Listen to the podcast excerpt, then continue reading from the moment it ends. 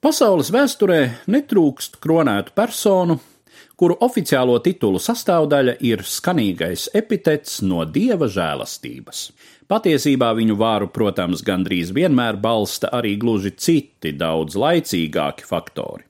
Taču šodien mūsu stāsts ir par vīru, kuram apzīmējums no dieva žēlastības patiešām piestāvētu daudz vairāk. Runa ir par San Francisco iemītnieku Joshua Abrahamu Nortonu, kurš 1859. gada 17. septembrī pasludināja sevi par Savienoto valstu imperatoru Nortonu I.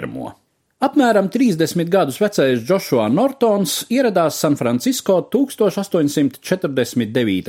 gadā ar 40 tūkstošiem dolāru kurus bija saņēmis mantojumā no tēva, turīga Dienvidāfrikas zemes īpašnieka. Pilsēta klusā okeāna krastā tieši tobrīd strauji brieda Kalifornijas zelta drudža karstumā. Dažos gados Nortons pamanījās pārvērst savu starta kapitālu 250 tūkstošus vērtos nekustamajos īpašumos. Viņš bija tiem laikiem ļoti turīgs vīrs, taču pēc dažiem gadiem neveiksmīgi ieguldījumi un tiesāšanās ar kreditoriem viņu izputināja. Apmēram uz gadu Joshua Nortons pazuda no San Francisco, bet atgriezies sāka apstaigāt lielāko laikrakstu redakcijas, iznēsādams deklarāciju, kurā paziņoja par jau pieminētā imperatora titula piesavināšanos. Jāpiebilst, ka līdz tam Džošua Nortona uzvedībā nekādas īpašas dīvainības netika novērotas vai vismaz netika dokumentētas. Pats interesantākais un arī aizkustinošākais šajā gadījumā ir tas, ka visdažādāko slāņu San Francisco iedzīvotāji lielāko tiesu uztvēra imperatora darbošanos visnotaļ pozitīvi.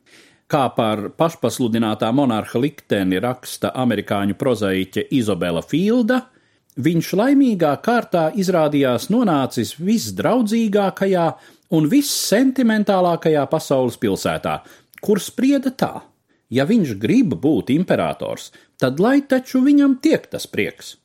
San Francisco spēlēja līdzi viņa spēlē filozofiskajām runām, kuras imperators mēdza turēt savu ikdienas pastaigu laikā, netrūka pateicīgu klausītāju. San Francisco garnizona kareivi iedāvināja viņam īstas epoletes, ar kurām izgraznot zilo imperatora mundieri. Ar laiku pilsētas restorānu īpašnieki sāka uzcienāt Nortonu ar maltīti, un pie savu iestādījumu durvīm piestiprināja misiņa plāksnes, ar klasisko uzrakstu By Appointment of. Tas ir viņa augstības Savienoto valstu imperatora Nortona I galma pasūtījuma izpildītājs. Un, kā izrādījās, šīs zīmes veicināja apmeklējumu. Tāpat teātri rezervēja viņa augstībai vietu pirmizrādēs, un tad, kad imperators Nortons sāka drukāt pats savu papīra naudu, to labprāt no viņa pieņēma samaksai. Vēl vairāk, šī nauda, kurai faktiski taču nebija nekāda seguma, sāka apgrozīties San Francisco kā lokāls maksāšanas līdzeklis.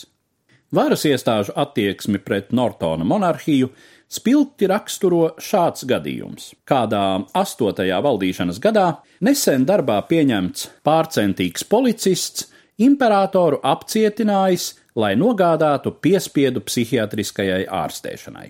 Sabiedrībā sacēlās sašutuma vētra, un San Francisco policijas priekšnieks Patriks Kraulijs nekavējoties pavēlēja valdnieku atbrīvot.